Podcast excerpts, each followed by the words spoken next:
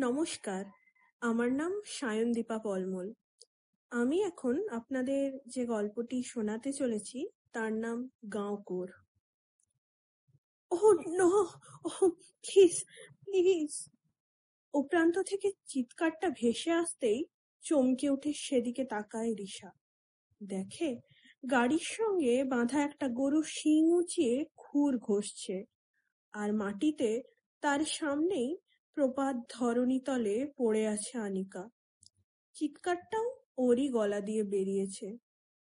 দেবদত্ত ছুটে গিয়ে মাটির থেকে তুলে নেয় ওকে। পায়ে পায়ে সেদিকে এগিয়ে যায় রিসা। কি করে পড়লে ওখানে? আমি তো জাস্ট এই কার্ডটার একটা ছবি নিতে গিয়েছিলাম, আর তাতেই ও খেপে গেল। ভয়ে ভয়ে কাঁপতে কাঁপতে কথাগুলো বলে আনিকা। রিল্যাক্স। আনিকার পিঠ চাপড়ে সান্ত্বনা দেওয়ার চেষ্টা করে রিসা। কিচ্ছু হয়নি। Don't worry. আনিকা একটু স্বাভাবিক হয়ে আসতেই ওর কাছ থেকে সরে আসে রিসা। মাথাটা ঘুরিয়ে ঘুরিয়ে দেখতে শুরু করে গ্রামটাকে। খড়ের চাল, টিনের ছাউনি দেওয়া ঝুপড়ি, ধানের মরাই, গরু ভর্তি গোয়ালগুলো দেখতে ভারতবর্ষের আর পাঁচটা সাধারণ গ্রামের মতো হলেও রিসা জানে, এই গ্রামটা আদপে দেশের আর পাঁচটা গ্রামের মতো নয়। গোটা ভারতবর্ষ যখন শতাব্দী প্রাচীন যুক্তিহীন রীতিনীতিগুলোকে পেছনে ফেলে এগিয়ে যাওয়ার উল্লাসে মত্ত, এমনকি গ্রামাঞ্চলগুলো পা বাড়াতে শুরু করেছে সামনের দিকে, তখন এই দেবলপুরের মতো কিছু গ্রাম এখনও বিদ্যমান যাদের পদক্ষেপ সর্বদা পশ্চাৎবর্তী। শিক্ষার প্রদীপ যেখানে তেলের অভাবে ধুঁকছে সর্বদা, যেটুকু আলো আবার আসে কোনো ক্রমে সেটুকুও যেন অন্ধকারের দাসত্বেই খুঁজে নেয় নিজের সুখ। ঋষা দেবদত্ত আর প্রাচীন ওরা তিনজনেই এঞ্জেল ফাউন্ডেশন নামে এক এনজিওর কর্মী আর আনিকা থাকে ইউনাইটেড স্টেটসে। ওখানকারই এক সংস্থার প্রতিনিধি হয়ে ওর ভারতে আসা। ওই সংস্থার সঙ্গে এঞ্জেল ফাউন্ডেশন যৌথভাবে এখন ভারতের পিছিয়ে পড়া গ্রামগুলিতে মেয়েদের হিতের জন্য কাজ করতে তৎপর। ইতিমধ্যেই বেশ কিছু এলাকায় সাফল্যও এসেছে তাদের, আর তাই তাদের আজকের কর্মস্থল মধ্যপ্রদেশের এই গ্রামটি, নাম দেবলপুর মেঝেতে পাতার চাদরটা গায়ে জড়িয়ে জড়সড় হয়ে বসল ফুলমতি। ঘাটা শিরশির করছে তার। আকাশটা অনেকক্ষণ থেকেই অন্ধকার হয়ে আছে। কিন্তু ফুলমতি জানে এটা সন্ধ্যের অন্ধকার নয়। এখন শেষ দুপুর কিংবা বড়জোর বিকেল হতে পারে। কেননা আই খানিক আগেই এই ঝুপড়ির সামনে খাবার আর জল রেখে গেছে। অন্ধকারটা যত বাড়ছে, ততই ঝুপড়ির পেছনে থাকা ঘন জঙ্গলটা থেকে হরেক রকম আওয়াজ ভেসে আসছে প্রতি মুহূর্তে। মাঝে মাঝে সে আওয়াজের তীব্রতা এতটাই ভয়ঙ্কর যে কেঁপে কেঁপে উঠছে ফুলমতি। তলপেটের চিনচিনে ব্যথাটা আজও গেল না। আই অবশ্য বলেছিল, অন্তত দিন তিনেক লাগবে এই ব্যথাটা যেতে। আর আজ তো সবে দুদিন। এখনও একটা পুরো দিন যন্ত্রণাটা সহ্য করে যেতে হবে। কিন্তু এই পেটের ব্যথাটা চলে গেলেও অন্য মানসিক যন্ত্রণাটা কি মিটবে আদেও আই তো বলেছে, এবার থেকে প্রতি মাসে পাঁচ দিন তাকে কাটাতে হবে এই গাঁও করে। এতদিন সে দেখতো, আই চাচি সবাই মাঝে মাঝে বাড়ির থেকে কোথায় যেন চলে যেত কয়েকদিনের জন্য। সেই সময় খুব মন খারাপ করত ফুলমতির কিন্তু সে জানতো না ওরা কোথায় যায়। কাউকে জিজ্ঞেস করেও উত্তর পায়নি কোনোদিন। খুব কৌতূহল হতো তার জানার জন্য। কেউ উত্তর না দিলে ঠোঁট ফুলিয়ে বসে থাকতো সে। কিন্তু আজ যখন অবশেষে সেই উত্তরটা সে পেল, তখন মনে হচ্ছে যেন না জানলেই ভালো ছিল সব। কষ্ট হচ্ছে তার ভীষণ কান্না পাচ্ছে খাল আসার পর থেকে সে কতবার যে কেঁদেছে তার ইয়ত্তা নেই। সবচেয়ে বেশি ভয় তো করছিল রাত্রে। সারা রাত দু চোখের পাতা এক করতে পারেনি ফুলমতি। শুধুই মনে হচ্ছিল, এই বুঝি ঝুপড়ির নড়বড়ে দরজাটা ভেঙে কোনো কোঢ়া বা ভালু ঢুকে পড়ল। আজও যখনই মনে পড়ছে, আর কিছু পরেই রাত নামবে, তখনই ভয়ে ওর গলাটা শুকিয়ে কাঠ হয়ে আসছে। তাকে এখানে ছেড়ে দিয়ে যাওয়ার আগে চাচি বলছিল, ফুলমতির ভাগ্যটা খুব খারাপ তাই তো প্রথমবারই কোনো সঙ্গী পেল না এখানে থাকার জন্য কোনোক্রমে বাঁশের নড়বড়ে দরজাটা একটু ঠেলে বাইরের দিকে উঁকি দিল ফুলমতি। দেখল, সারা আকাশটা কালো কালো মেঘে ছেয়ে গেছে। শনশন করে বাতাস বইছে চারিদিকে। আর তাতেই সামনের মাঠে বিক্ষিপ্তভাবে পড়ে থাকা জিনিসগুলো গোল হয়ে পাক খেতে খেতে ছুটছে এদিক আর সেদিক। জঙ্গল থেকেও আওয়াজ উঠছে বেশ ভালো রকমের ঝুপড়ি থেকে বেরিয়ে এলো সে। এইরকম সময়টা ফুলমতির বড্ড প্রিয়। হাওয়ার মধ্যে দু হাত মেলে দিয়ে চোখ বন্ধ করে ছুটে যাওয়ার মজাই আলাদা।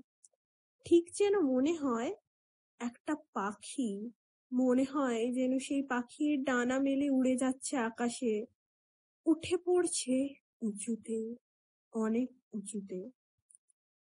বাবা অনেক সময় তাকে কোলে তুলে নিয়ে হাওয়ায় ভাসিয়ে দিতেন আর ফুলমতিও তাতে হেসে উঠত খিলখিল করে। কিন্তু আজই দেখতে পেলেই বকে দিত বাবাকে। বলতো, মেয়েদের অত মাথায় তুলতে নেই, মেয়েদের সব সময় নিচেই রাখতে হয়।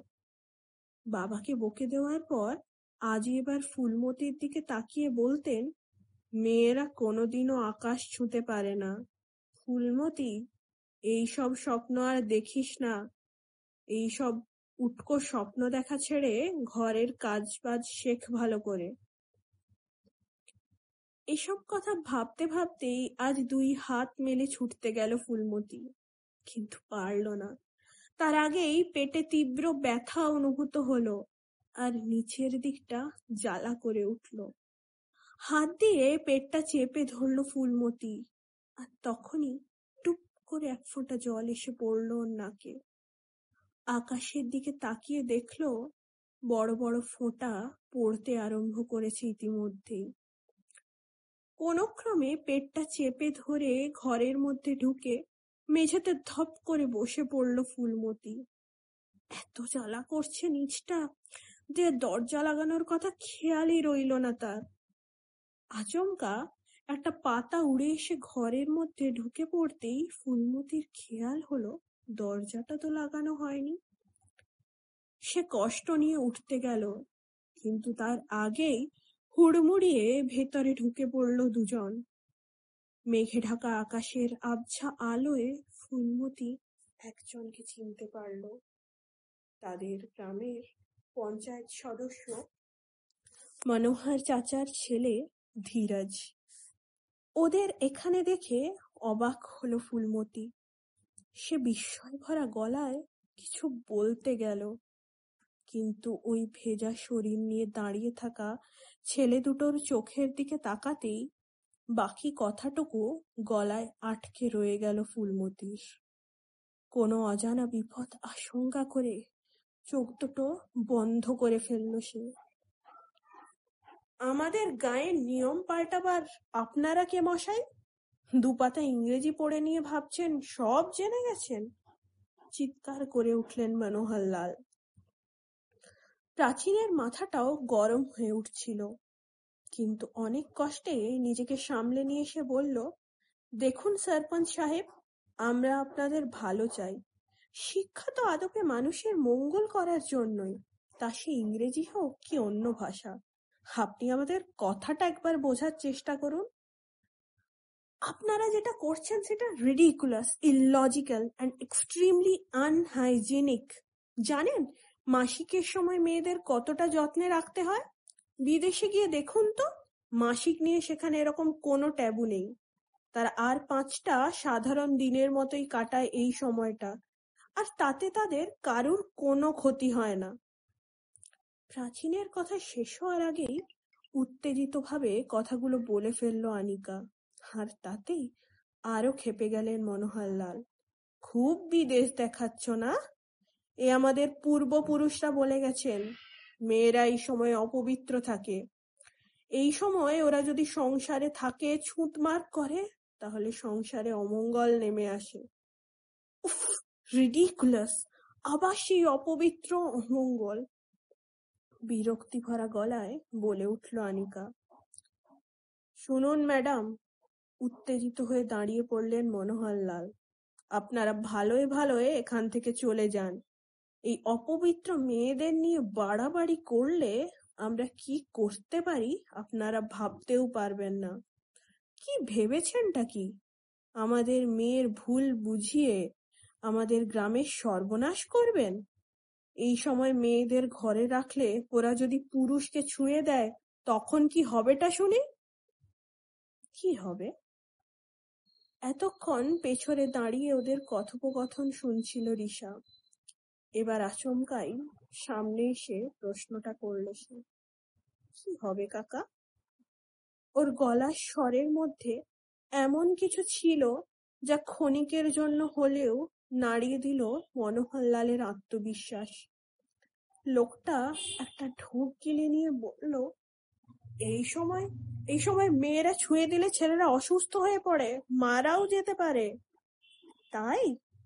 তাহলে তুমি কি করে এখনও বেঁচে আছো মনোহর কাকা?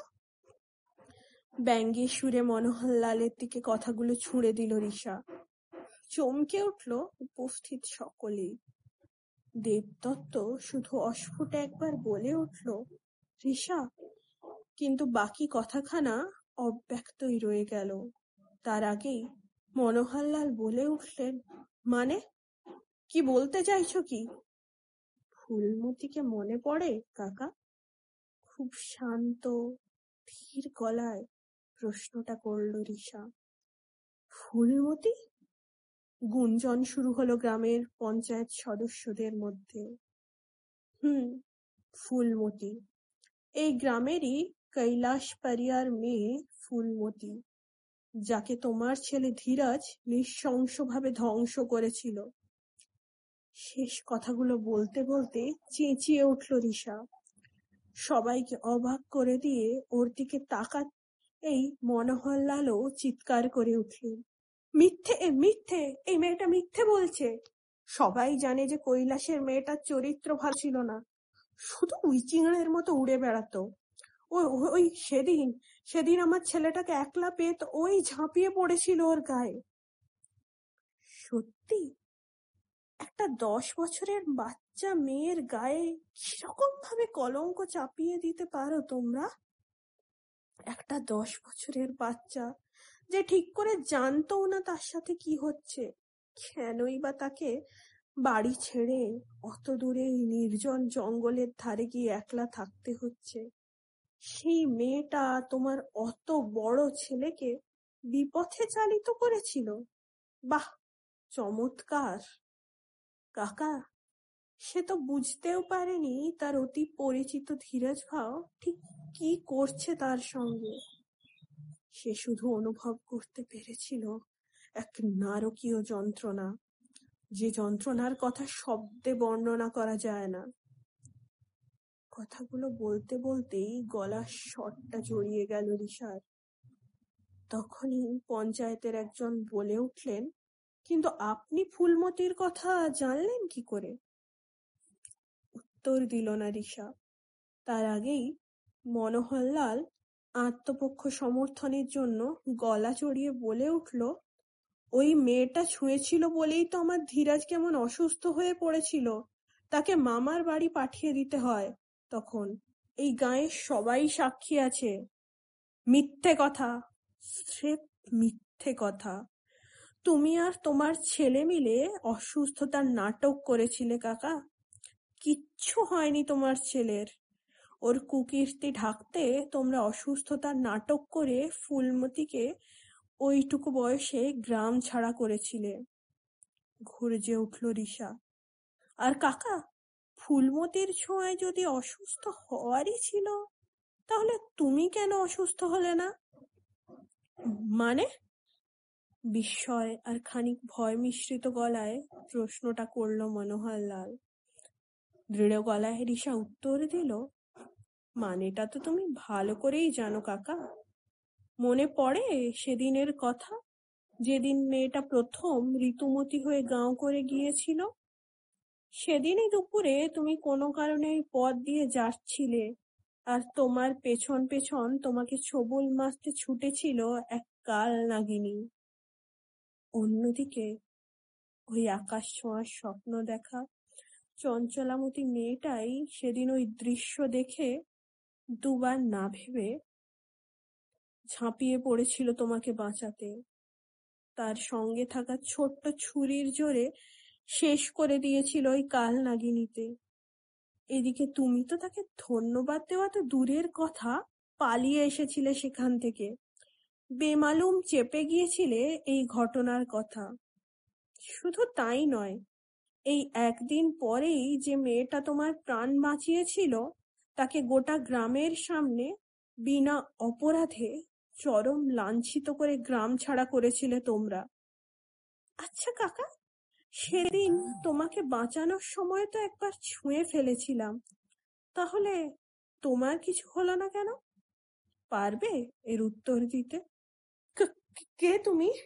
ফুলমতি হ্যাঁ আমি সেই ফুলমতি যাকে তোমরা অমানসিক অত্যাচার করে গ্রাম ছাড়া করেছিলে মাত্র দশ বছর বয়সে।